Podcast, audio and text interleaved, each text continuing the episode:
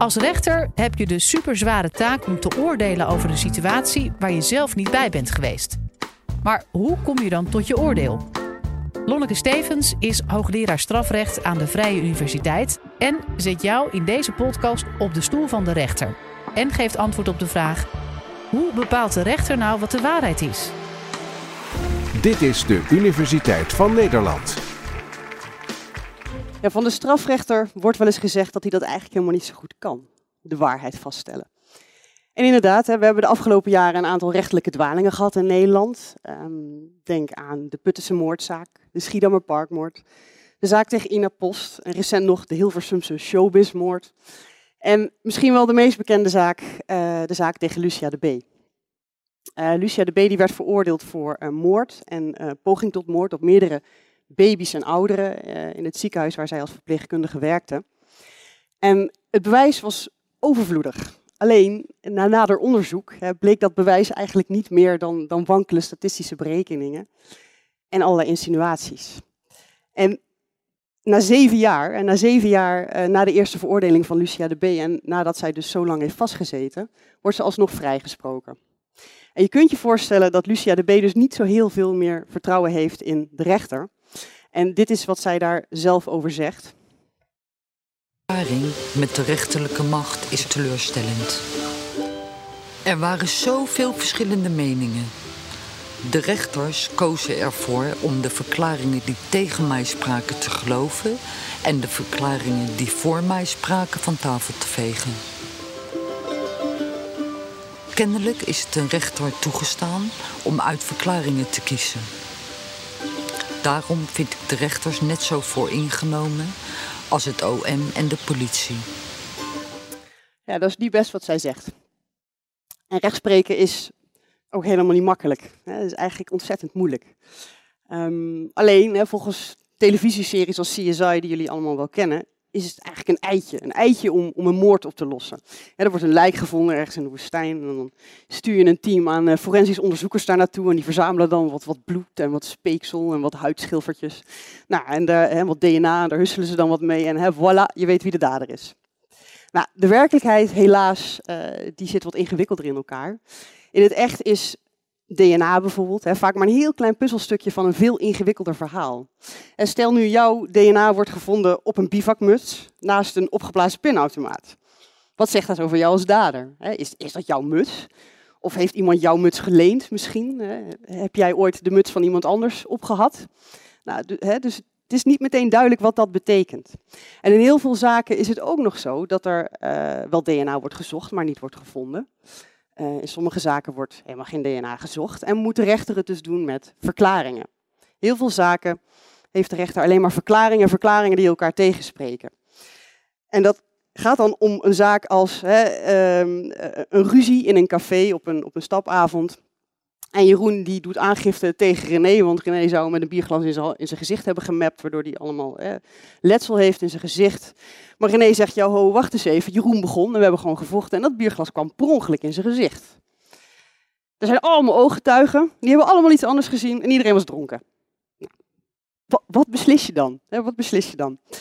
Vandaag zet ik jullie op de stoel van de rechter en jullie uh, uh, mogen beslissen in een zaak.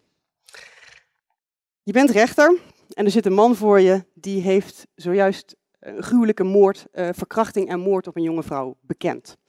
Er zijn ook ooggetuigen die die verkrachting en moord hebben gezien.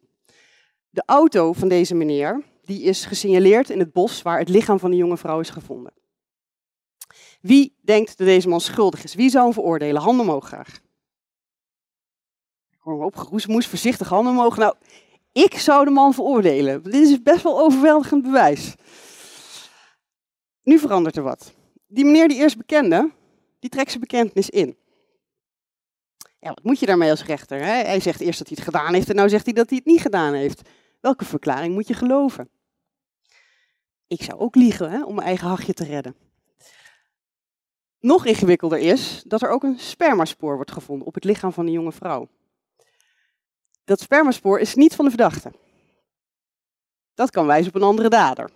Maar kan ook erop wijzen dat deze jonge vrouw, hè, voordat zij slachtoffer werd, vrijwillige seks heeft gehad met haar vriendje. Dus wat hebben we nu? We hebben een bekentenis, een ontkenning, ooggetuigen, de auto in het bos en dat spermaspoor.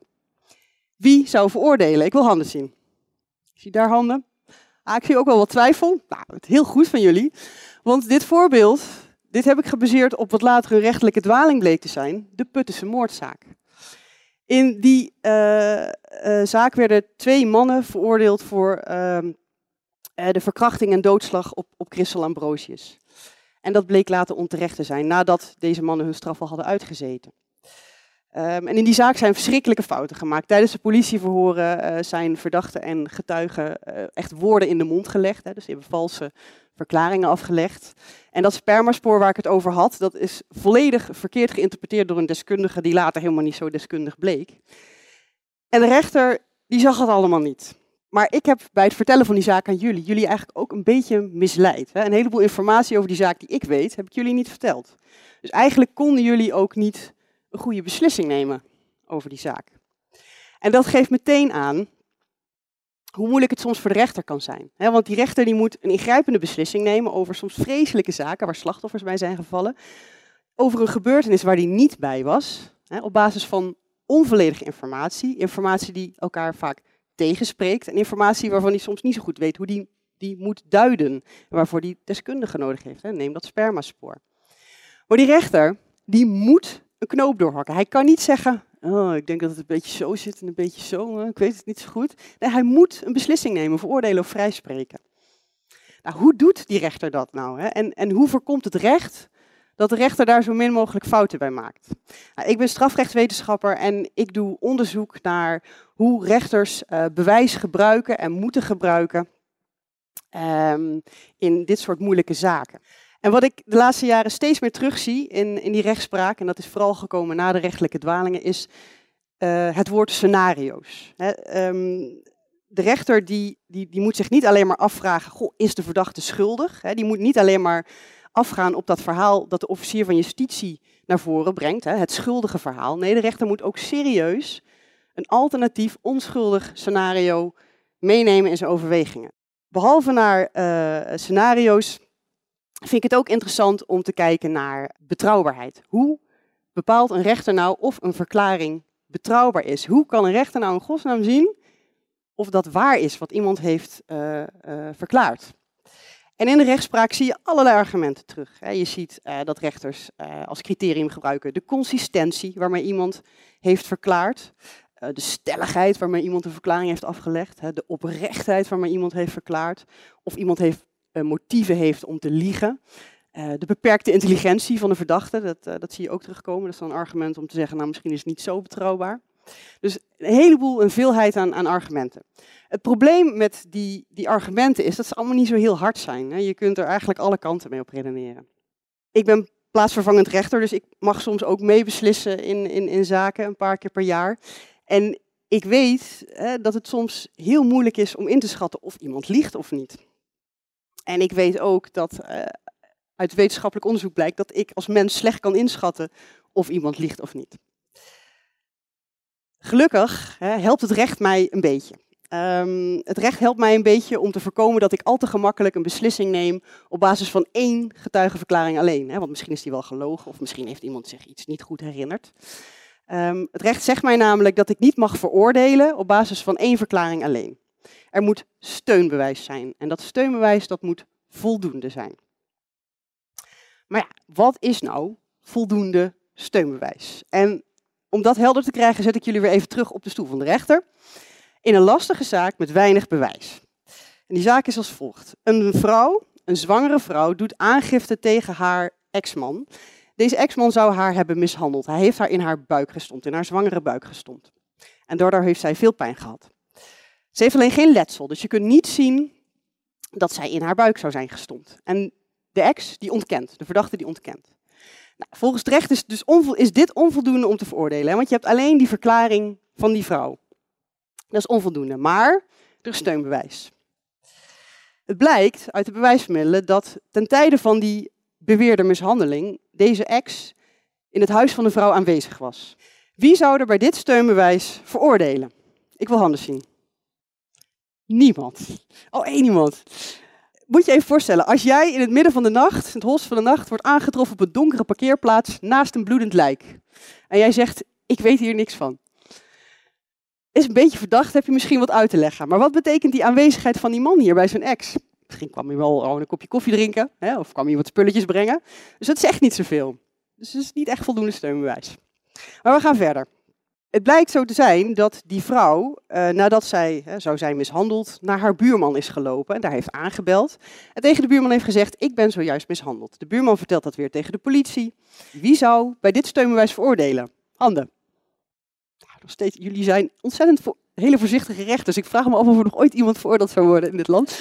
Maar, ehm, maar op zich hebben jullie in dit voorbeeld hebben jullie het goed, goed gedaan. Dus misschien moeten jullie toch maar rechten gaan studeren. Want wat die buurman zegt, hè, dat is eigenlijk niet meer dan wat die vrouw, die zwangere vrouw al heeft verklaard. Dus de bron is nog steeds alleen maar die zwangere vrouw. We hebben nog steeds maar één verklaring. Dus ook dit is niet voldoende steunbewijs.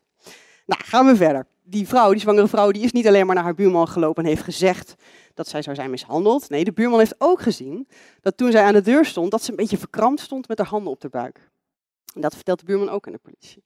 dus we hebben nu een aangifte van stompen in de buik door een zwangere vrouw. We hebben de aanwezigheid van de ex. We hebben de buurman die zegt, ja, mijn buurvrouw die kwam langs en zei dat ze mishandeld was. En ze, had haar handen op de buik en ze stond heel verkrampt. Wie zou er nu veroordelen? Wie denkt dat dit voldoende is? ik zie alleen mijn collega's hun handen opsteken, maar, die, die weten dat, die weet, je kunt veroordelen bij dit bewijs. Dat kan. Dat kan. Maar het is wel echt een ondergrens. Het is een bewijsminimum, zoals we dat noemen. En ik kan er ook weer van alles op afdingen. Want ja, hè, een zwangere vrouw die verkrampt staat, wat zegt dat nou helemaal? Dat, de zwangere vrouwen die staan voortdurend met een hand op hun buik. Die worden echt niet allemaal mishandeld. Dus hè, ik, ik kan, ik, mijn punt is, ik kan altijd alles in twijfel blijven trekken. En die twijfel, hè, die is ook belangrijk voor een rechter. Want een belangrijke regel is dat de rechter overtuigd moet zijn van de schuld van een verdachte. Maar ja, dan is natuurlijk de vraag, hoe overtuigd moet hij zijn? Hoe zeker moet je zijn? En deze rechters, um, komt een filmpje uit het programma Kijken in de Ziel, die zeggen daar het volgende over. Bent u altijd 100% zeker van uw vonnis? Uiteindelijk wel. Je kan er lang over dubben, maar als ik er niet 100% zeker van ben, dan doe ik het niet. Dus echt een dubio. Dan spreekt u vrij. Spreek vrij, ja. Ja. ja. Ook als u maar een beetje twijfelt. Ja, je kan niet een beetje twijfelen. Je twijfelt en dan spreek je vrij. Ja, je kan niet een beetje twijfelen. En volgens mij is, dat, hè, is dit niet helemaal waar. Wat wel waar is dat je altijd als rechter 100% achter je beslissing staat. Want dat is je beslissing, die staat. Maar het kan gewoon logischerwijs niet zo zijn dat je 100% zeker bent dat die juist is. Je hebt geen glazen bol, je weet dat gewoon simpelweg niet. En het recht vraagt dat ook niet van je, dat je 100% zeker bent. Wat het recht wel van je vraagt, is dat als je twijfel hebt, dat je die in het voordeel van de verdachte laat wegen. En dat volgt uit de zogenaamde 10 tegen 1 regel. En die houdt in dat wij in onze rechtsstaat als uitgangspunt kiezen dat we liever 10 schuldige mensen vrijuit laten gaan, dan dat we één onschuldige persoon in het gevangen zetten. Goed, even samenvattend. Hè. Wat hebben we nu gehad om, uh, uh, van die rechter dat hij, um, uh, hoe die de waarheid vaststelt? Nou, scenario's, denken scenario's, toetsen van betrouwbaarheid, um, toetsen van, of, de eis van steunbewijs en de overtuiging. De rechter moet overtuigd zijn. Nou, met die overtuiging, dat is, dat is een lastig iets. Dat is een beetje een vaag begrip um, in het strafrecht. Want wat voor informatie mag er nou in een overtuiging zitten? Mag je bijvoorbeeld een strafblad van iemand meewegen? We gaan weer even terug naar die zaak van de zwangere vrouw die aangifte doet van mishandeling tegen haar ex. In die zaak is weinig bewijs en je twijfelt als rechter. Je twijfelt. En je weet, deze vrouw die is labiel, die heeft een persoonlijkheidsstoornis. Ze zegt wel vaker gekkere dingen. En die ex, ja, dat is een brave huisvader, die heeft nooit, nog nooit iemand, hè, nooit een vlieg kwaad gedaan. Wat, wat doe je? Wie zou veroordelen? Deze informatie. Ja, niemand. Jullie zijn sowieso heel voorzichtig, maar niemand. Het is logisch, ja. Maar hè, nu, um, nu verander ik de zaak een beetje. Zelfde situatie, weinig bewijs, vrouw is labiel, persoonlijkheidsstoornis, uh, je twijfelt. Maar die man die heeft echt pagina's dikke documentatie, zoals we dat dan noemen, een strafblad, waaruit blijkt dat hij eerder partners heeft mishandeld. Ook deze partner. Maand geleden nog is hij ervoor veroordeeld. Doe je dan? Wie zou veroordelen? Ja. Ik bedoel maar. Maar een strafblad, dat, dat mag nooit een bewijsmiddel zijn. Dat, dat, is een belangrijk principe. Als iemand ooit is veroordeeld, begint hij daarna weer met een schone lijn. Het mag nooit een bewijsmiddel zijn. Maar het kan wel als iemand inderdaad vaker precies hetzelfde heeft gedaan, op precies dezelfde manier, kan het niet anders dat het natuurlijk in je achterhoofd een rol speelt. Maar je moet er als rechter oh zo voorzichtig mee zijn. Tot slot, hè, wat, wat moet de rechter nou doen om de waarheid vast te stellen? Nou, hij moet de waarschijnlijkheid van dat de verdachte het gedaan heeft afwegen tegen de waarschijnlijkheid dat hij het niet gedaan heeft. En de kwaliteit van die beide scenario's die moet hij toetsen. En dan moet hij je knoop doorhakken.